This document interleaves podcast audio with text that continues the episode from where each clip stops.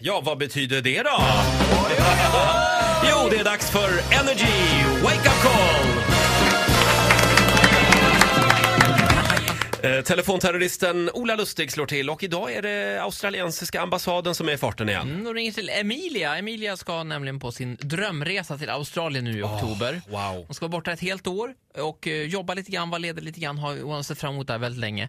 Eh, och hon har ansökt om arbetsvisum, turist slash arbetsvisum. Ja. Eh, det är bara det att när jag pratade med Emilias kompis eh, Klara så var det så att Emilia när hon var 17 år så åkte hon fast för falsklägg. Nej. Och det här är, det är lite annorlunda regler i Australien. Det är väldigt allvarligt. Och vem är du som ringer? Paul Hogan Jaha, Eh. Crocodile Dundee. Ja, precis. Ja. Gammal, gammal referens. Men visst är det så. Då, då ringer vi. Hej, det är Emilia. Hejsan, Paul Hogan heter jag ringer från australiensiska ambassaden. Ja, hej. Vad trevligt. Eh, Jag har lite frågor här om ditt visum. Visst är det så att du ska komma till oss? Ja, jag ska komma till Australien den 19 landar jag. Ehm, Då ska vi se. Det som tyvärr har hänt då är att vi har fått upp en flaggning. Vi crosskör ju våra register här med eh, ja, Länsstyrelsen och Polismyndigheten. Okej. Brottsrubriceringen är urkundsförfalskning. ja, just det. Ja, det var länge sedan. Det var när jag var 17 år. Har jag tolkat det här rätt då? Är det här eh, brukande av falsk legitimation? Precis. Jag eh, lånade en kompis lägg när jag var 17 och gick ut med, vilket var dumt gjort. Okej, och är det här någonting som du eventuellt kommer att ägna dig åt i Australien? Absolut inte. Jag är 21 år och jag har ett egen, en egen identitet och jag kan gå ut nu lagligt. Ehm, så nej. Jag måste nog ändå säga tyvärr att det ser lite mörkt ut och att jag, du kanske får ställa in det på att det inte blir någon resa. Är det verkligen så? Tyvärr. Herregud. Ja. Eh, Hur känns det? Är det tungt? Ja, jättetungt. Jag har ju verkligen sagt upp mig från jobbet. Jag har alltså... ja.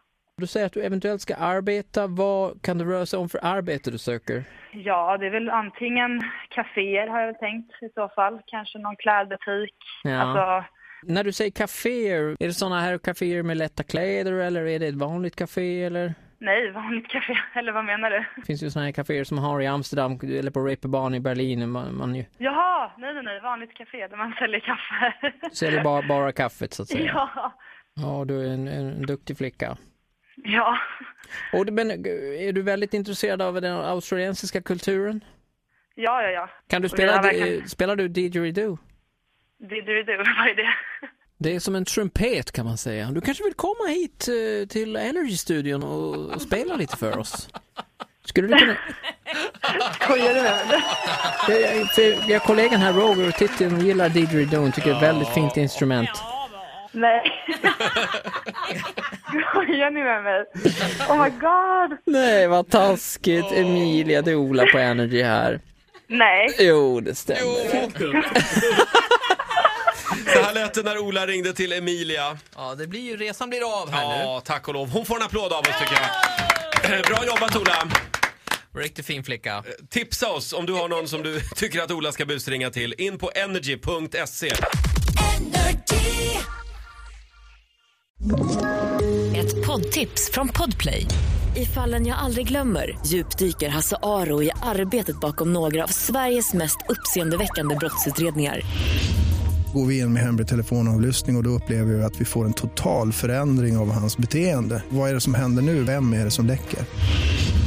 Och så säger han att jag är kriminell, jag har varit kriminell i hela mitt liv men att mörda ett barn, där går min gräns. Nya säsongen av Fallen jag aldrig glömmer på Podplay.